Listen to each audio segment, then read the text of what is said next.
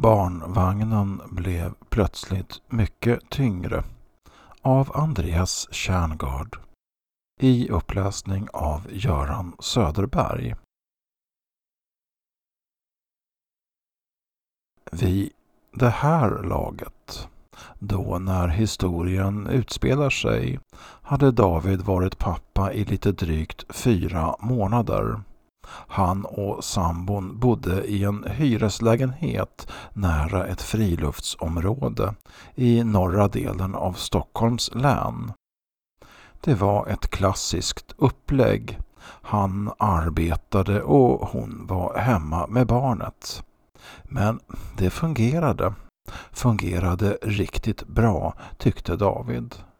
På kvällarna efter att hon bytt bajsblöjor och ammat under hela dagen brukade han ta över ansvaret över barnet så att hon kunde få lite egen tid. Han tyckte det kändes bra att kunna avlasta. Dessutom älskade han att ströva omkring längs grusvägarna i naturreservatet och andas in naturen istället för avgaserna han var van vid inne i stan där han arbetade. Speciellt älskade han den mustigt fuktiga doften av höst. Den som bara förmultnande löv kan frambringa. Han hade alltid älskat att vistas i naturen. Men eh, det var en sak som hände där under en höstkväll i oktober. Något som för alltid skulle komma att finnas kvar som ett dåligt minne. Det är det den här berättelsen handlar om. Klockan var strax efter sex. David hade kommit hem och funnit sambon håglös i soffan med ett skrikande barn. Trots att hon ammat av och an under nästan två timmar var det lilla livet otröstligt. Blicken hon mötte David med sa allt. Det var dags för lite egen tid. Hastigt förberedde han sig och tog babyn, klädde honom för ett kyligt höstrusk och lade sedan ned honom i vagnen. Efter att han sagt ses om en stund, njut nu och ha det så fint, älskar dig, drog han igen dörren. Ute var det redan mörkt. Klockan hade hunnit bli kvart i sju. Det var rått och fuktigt. Bara några grader över nollan. Sträckningen av stigen han alltid tog började bakom några gamla hyreshus och gick sedan djupt in i naturreservatet. Efter en bit kunde han ta en annan stig som löpte tillbaks till baksidan av det lilla samhället. De hade nu kommit in i reservatet. Det doftade sådär fuktigt mörket. David andades lugnt och tog djupa andetag. Rundan tog ungefär en timme i rask takt. Oavsett var han gick brukade han vara ute i en timme på ett ungefär. Tidsaspekten var nämligen viktig. En timme hade visat sig fungera bra. Var han ute längre kunde babyn vakna och vilja ha mat. Då var det kört.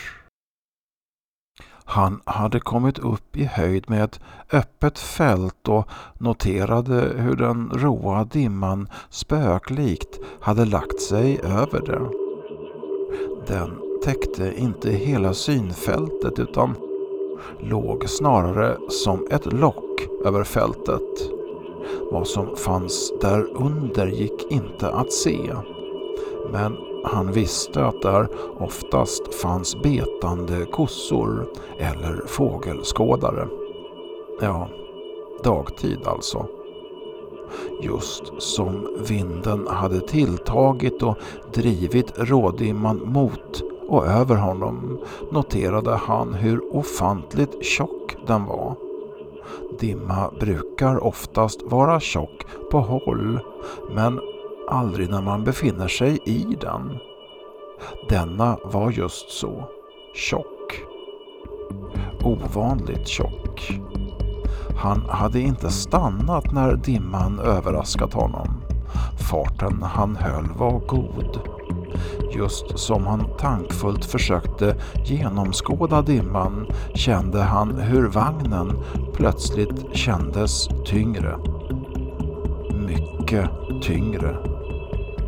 Kunde han ha fastnat i något eller hade han kört in i något parti med lera? Han sänkte huvudet och såg ned i vagnen. Och det han fick se fick hjärtat att frysa till is. Ett illmarigt grin med små pigga svarta ögon mötte hans blick. I vagnen låg en fullvuxen man ihopkrupen i fosterställning med huvudet i en dålig vinkel tittandes rakt uppåt. Den ohyggliga synen fick David att skrika rakt ut. Instinktivt, utan den blekaste tanke på babyn, sköt han iväg vagnen med full kraft och snubblande föll han till marken. I samma stund som han landade på den svala grästäckta stigen hörde han hur ett spädbarn grät. Hans baby som om en trollformel brutits var dimman spårlöst borta. Lövens prasslande i träden vittnade om att den sannolikt drivits på flykt av vinden. Han lokaliserade vagnen som åkt rakt in i några nyponbuskar. Tack och lov hade den inte vält. På väg mot vagnen återkom mannen i alla fall de av honom som satt kvar på hornhinnorna. Självklart hade han sett i syne. Men eh, icke desto mindre var den bisarra bilden för evigt fastetsad. Oroligt nådde han fram till vagnen och det var inte utan en viss rädsla han försiktigt tittade ned i den.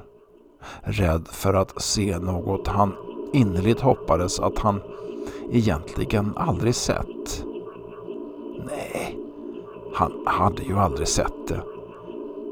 Hur skulle han kunnat se en man i barnvagnen? Där låg ju babyn och där hade babyn alltid legat. Så var det ju.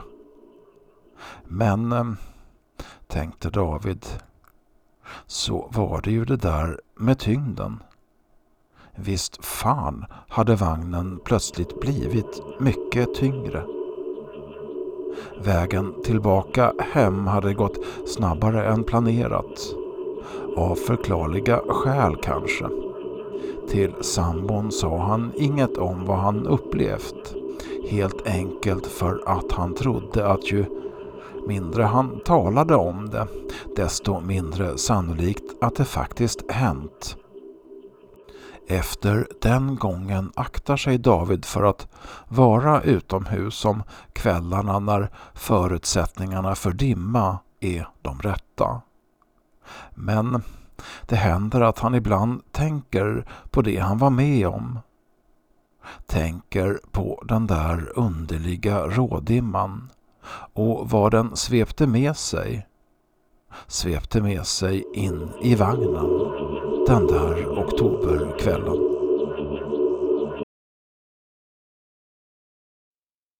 Barnvagnen blev plötsligt mycket tyngre, heter den där berättelsen. Den är skriven av Andreas Kärngard. Musik och uppläsning av mig, Göran Söderberg. Och du, ja, du lyssnar på podcasten Schaktmassa. Tyckte du om Andreas berättelse så kan jag glädja dig med att han just nu jobbar på en novellsamling.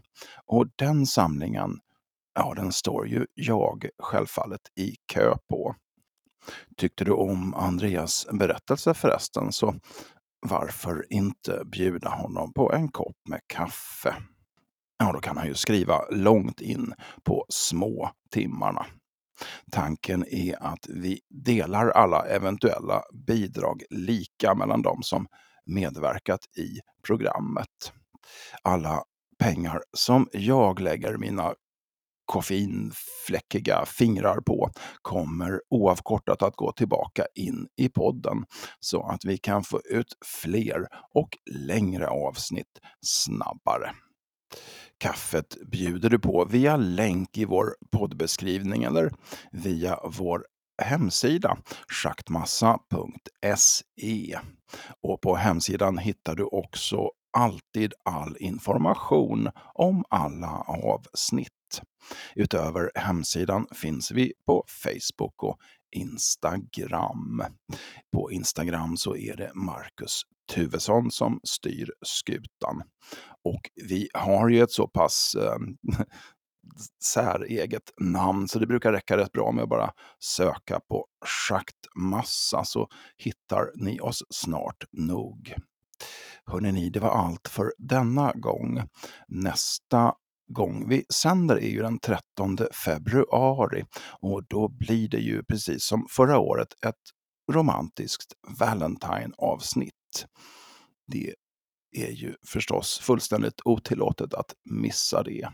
Väl mött mina vänner.